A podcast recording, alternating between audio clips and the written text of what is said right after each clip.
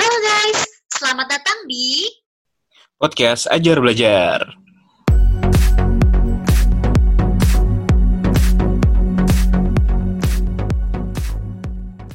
Han. Kamu tahu nggak sih kalau bawang tuh bisa mencegah corona? Hah, itu info dari mana, Tik? Ini aku barusan dikirimin di WA. Ya, itu mah udah jelas-jelas hoax kali itu. Itu udah ada klarifikasinya sempat itu. Hah, iyalah. Jadi, aduh aku tuh suka bingung deh kalau misalnya bedain mana kabar yang hoax, mana yang benar, apalagi di masa-masa pandemi kayak gini nih, tiap hari tuh ada aja broadcast-broadcast yang berseliweran di mana-mana. Nah, pas banget nih. Hari ini kita udah ngundang mahasiswa S1 Komunikasi yang bakal ngasih tahu ke kita semua tentang hoax. Halo Kak Estra, gimana nih kabarnya Kak? Halo, kabarnya baik. Jadi hari ini kita udah bareng-bareng sama Kak Esra Freswita Ambarita atau biasa dipanggil dengan Esra yang sekarang sedang menjalani pendidikan S1 Komunikasi di Presiden University nih. Nah, Kak Esra ini juga merupakan mini tutor di Ajar Belajar. Halo Kak Esra. Halo. Ini udah tahun keberapa Kak di komunikasi? Ini udah tahun terakhir sih, lagi nyusun skripsi. Berarti ini Kak uh, udah emang pas banget ya ini waktunya untuk uh, study from home, work from home. Jadinya kan Kak Esra bisa fokus nyusun skripsi ya? Iya, bener banget. Oke oke. Nah, jadi hari ini kita bakal bahas tentang topik yang bersumber dari artikel majalah Seribu Guru berjudul Orang Tuaku Korban Hoax atau Berita Bohong. Itu.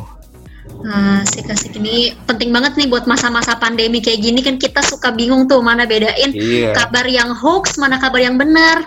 Tapi kak sebenarnya nih ya sejak kapan sih mulai ada berita hoax gitu?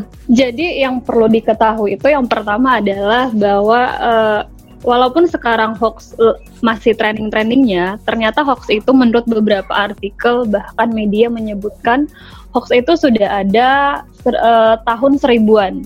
Jadi pertama itu menurut menurut beberapa media menyebutkan bahwa hoax itu sudah ada tahun 1100 1661 Wow. dan tapi yang yang lebih menariknya lebih menariknya adalah hoax itu baru dipakai kata-katanya ketika di tahun 1800-an.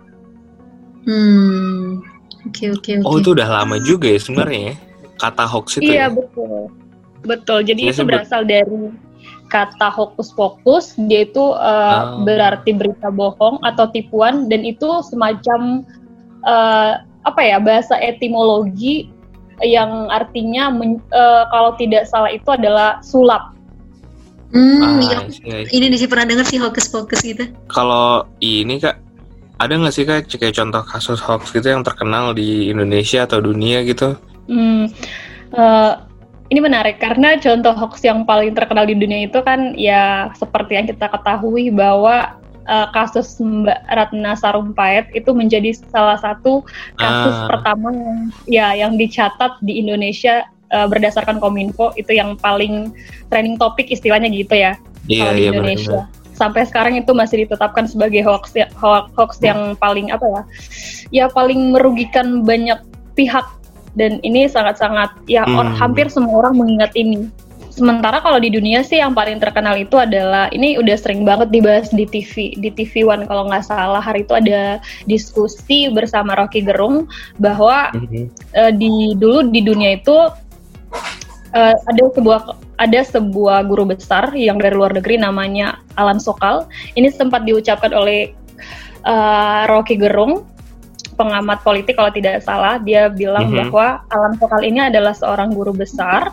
Kemudian dia dikenal dengan pendidikan yang bagus. Kemudian dia ingin eh, kasih tulisannya ke sebuah redaksi dan redaksinya itu tidak pikir-pikir matang. Dia hanya melihat kualitas dari Alan Sokal bahwa dia seorang guru besar. Ternyata apa yang dituliskan oleh Alan Sokal itu adalah berita bohong, asal-asalan. Hmm. Dia hanya ingin menguji seberapa detail redaktur itu memeriksa eh, apa yang dia tuliskan. Ternyata dia mengklarifikasi sendiri bahwa redaktur itu ternyata tidak apa ya tidak signifikan memeriksa apa yang dia sampaikan dan saat itu uh, hoax di situ adalah menjadi penguji. Ada hal positifnya juga kan. Dia ingin melihat ah, iya, seberapa iya. signifikan redaktur itu memeriksa tulisannya gitu. Hmm. Berarti penting hmm. banget ya Kak buat uh, ngecek lagi maksudnya kabar apa pun itu yang kita dapat itu dicek lagi kebenarannya gitu ya Kak ya. Betul. Tapi ini kak uh, yang aku bingung tuh kan hoax itu kan biasanya udah kayak booming banget heboh banget gitu ya sebenarnya gimana sih hmm. proses penyebarannya pasti kan ada satu yang menjadi sumber tuh nah itu proses penyebarannya tuh kayak gimana sih kak proses penyebaran hoax itu ya seperti kita apa ya uh, seperti proses jual beli yang pertama dimulai dengan produksi produksi ini di mana ada pihak-pihak pemangku kepentingan uh, ada orang-orang yang tidak bertanggung jawab yang menyebarkan berita. Ya karena tadi tergiur dengan pendapatan. Pokoknya orang-orang yang benar-benar ingin menghasilkan sesuatu yang tidak baik dan ingin memprovokator lawannya. Kemudian terjadilah proses distribusi melalui media sosial, melalui gosip, sehingga kita-kita orang yang tidak jeli akhirnya hmm. mengkonsumsi berita itu. Jadi ada proses produksi orang-orang yang tidak bertanggung jawab, kemudian distribusi dengan orang-orang yang terprovokasi kemudian dikonsumsi oleh orang-orang yang tidak jeli akan berita. Berarti kayak mudah banget nggak sih kak buat apa membuat berita hoax itu sebenarnya? Iya mudah banget, Mu, sangat mudah apalagi di zaman sekarang kan.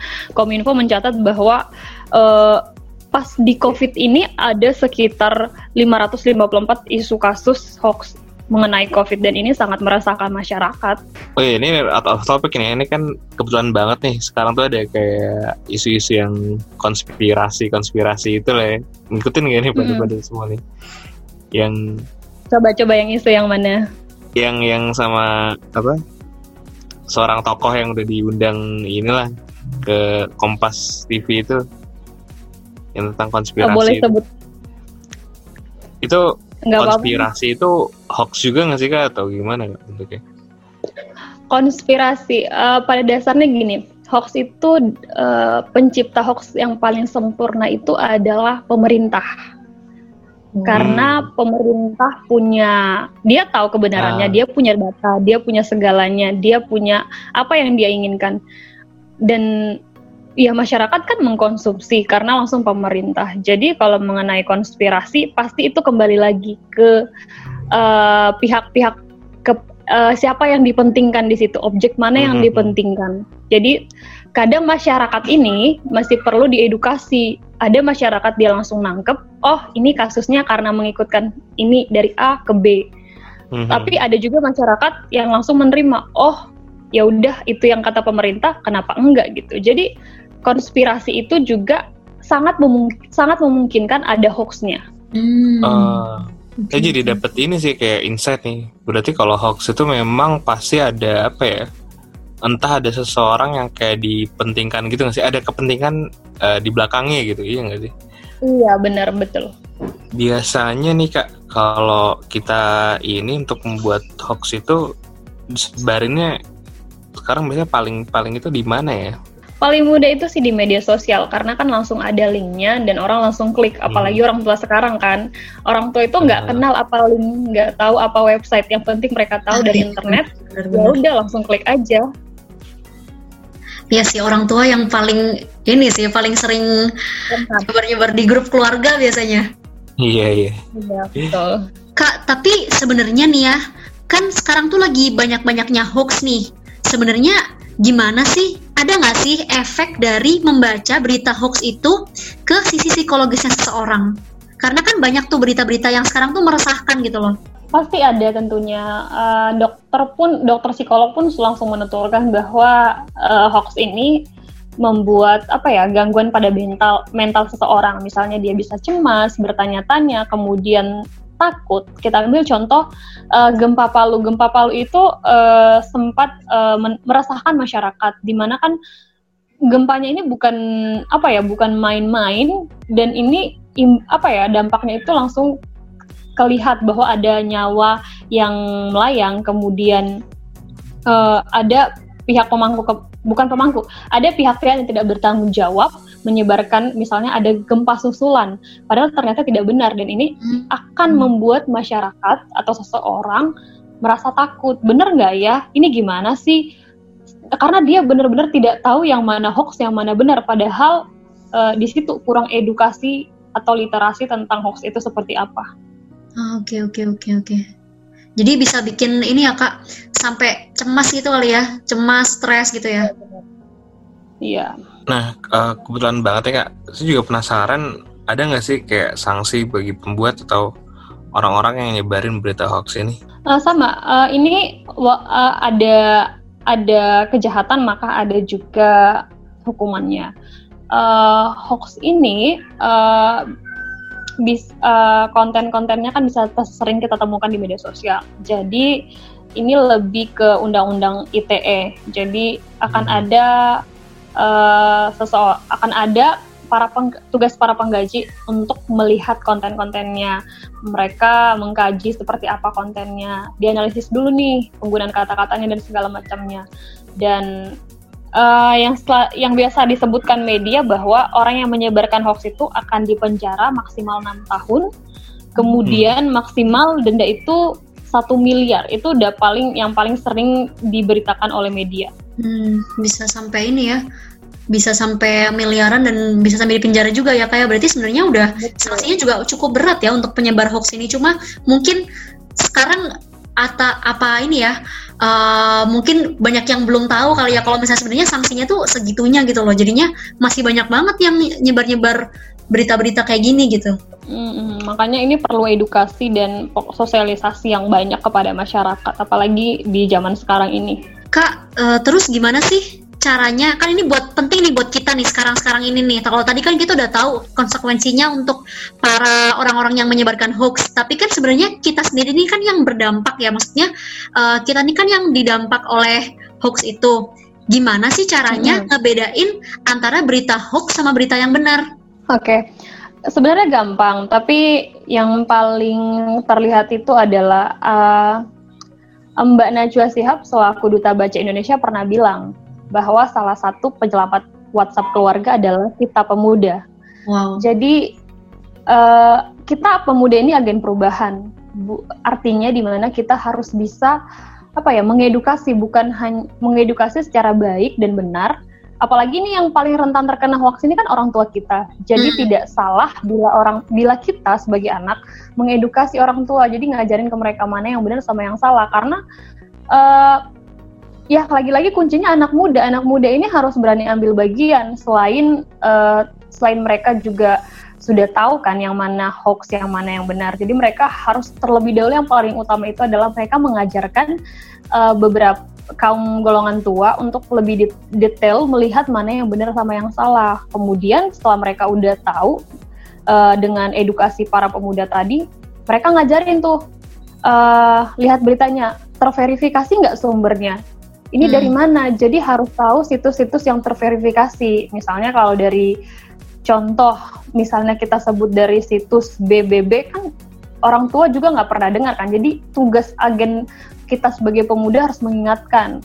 Kemudian uh, sekarang kan udah ada aplikasi cek hoax ya di mm-hmm. uh, pokoknya di pernah di, di ditaruh juga dalam berita bahwa kita masukin linknya terus nanti akan tertera dia hoax apa tidak jadi hmm. aplikasi ini harus kita kenalkan kepada teman-teman kepada keluarga dan kepada orang-orang yang ada di sekitar kita kemudian uh, yang paling perlu diperhatikan itu adalah judulnya. Judulnya ini provokatif atau tidak. Kalau dia mengarah ke provokatif, ada baiknya jangan hanya melihat judul, tapi membaca keseluruhan dan melihat apakah ini terverifikasi, penulisnya siapa. Jadi dibutuhkan ke kekritisan kita masing-masing. Tapi kan kekritisan kekritisan ini kan tidak hidup begitu saja, tidak lahir begitu saja.